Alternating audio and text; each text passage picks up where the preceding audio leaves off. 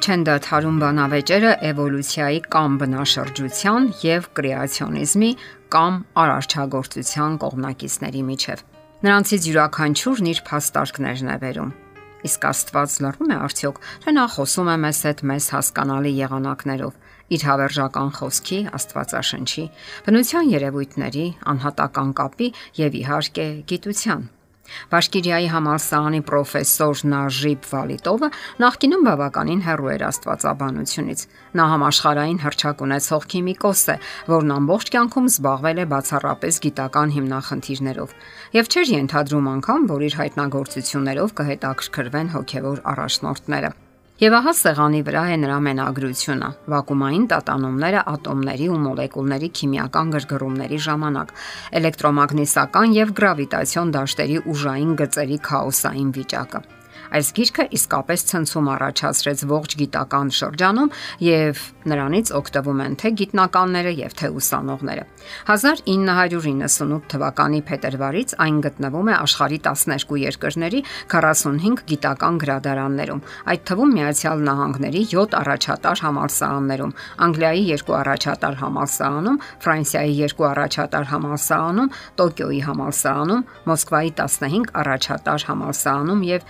ինստիտուտ ինստիտուտներում։ Ինչ է ապացուցվում այս մենագրության մեջ։ Այդ գրքում միանշանակ ապացուցված է հետևյալը.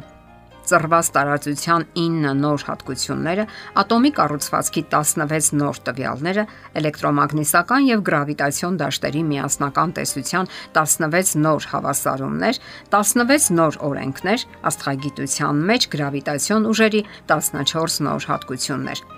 Եվ ահա Վալիտովը բանաձևերի խիստ լեզվով ապացուցում է, որ տիեզերքում ցանկացած օբյեկտ ակնթարթորեն փոխհամագործակցում է մյուս օբյեկտների հետ, անկախ միմյանց միջև գոյություն ունեցող տարածության։ Գիտությունը նախկինում այն կարծիքին էր, որ ոչ մի տեսակի փոխհամագործակցություն չի կարող տեղի ունենալ լույսի արագությունը գերազանցող արագությամբ, պատմում է Վալիտովն իր հայտնագործության մասին, իսկ լույսի արագությունը վայրկյանում 300 հազար կիլոմետր է Սակայն ողջվում է, որ էլեկտրոմագնիսական եւ գravitացիոն դաշտերը ակնթարթորեն փոխհամագործակցում են։ Դա հիմնավորվել է տեսականորեն եւ հաստատվել փորձարարական ճանապարհով։ Իսկ սա խոսում է այն մասին, որ տիեզերքում գոյություն ունի ինչ որ միասնական բարձրագույն զորություն։ Չէ՞ որ ըստ էության ամեն ինչ կապված է ամեն ինչի հետ եւ հանկարծ իր համար էլ անսպասելի պրոֆեսոր Վալիտովը նամակ է ստանում Վատիկանից, անձամբ Ռոմի Պապից։ Այդ նամակում ասվում է, որ նորին սրբությունը, այսպես կոչված,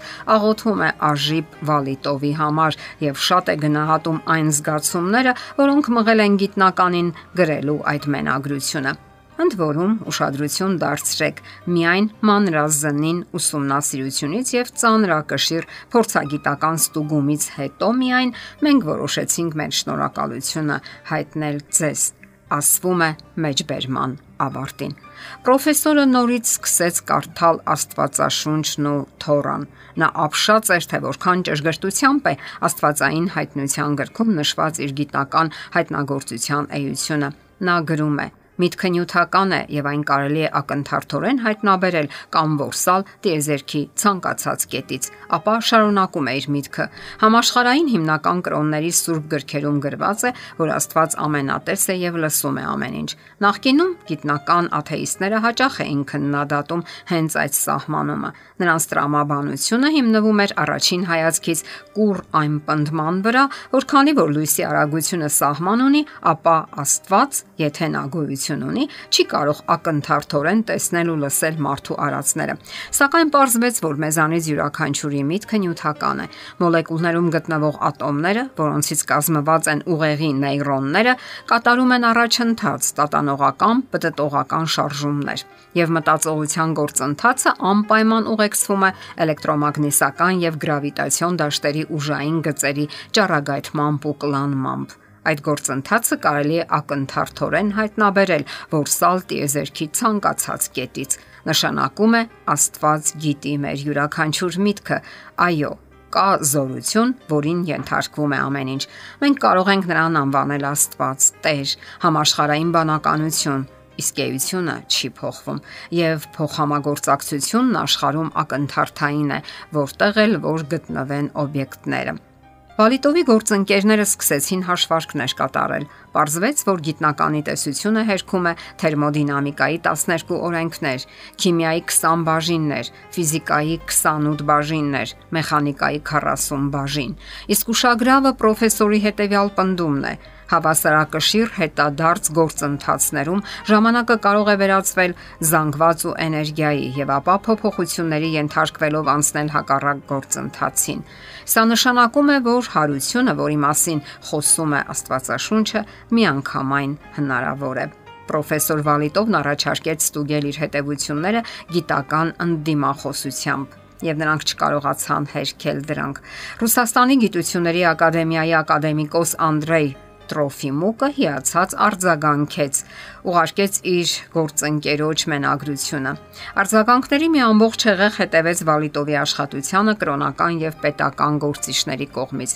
Պրոֆեսոր Վալիտովն այժմ իրեն հավատացյալ անznավորություն է համարում։ Ահա թե ինչ է գրում նա. Նախ ես ապացուցեցի Աստծո գոյությունը բանաձևերով։ Դրանից հետո ես բացահայտեցի նրան իմ սրտում։ Ուշագրավ հայտնագործություն, այնպես չէ՞ ապացուցել Աստծո գոյությունը գիտական ճանապարհով, հաստատել այն, ինչի մասին գրել են ավելի վաղ Աստծո մարդիկ, մարգարեները։ Եթե նրանք գրել են པարզումատչելի ձևով, որ հասկանալի լինի բոլորին, այսօր դա հաստատվում է գիտական ուղիով։ Դե ինչ, հաջորդ քայլը պատկանում է մարդուն։ Ուսումնասիրել նրա խոսքը, Աստվածաշունչը եւ կայացնել համապատասխան որոշում։ Եթերում ղողանջ հավերժության հաղորդաշարներ։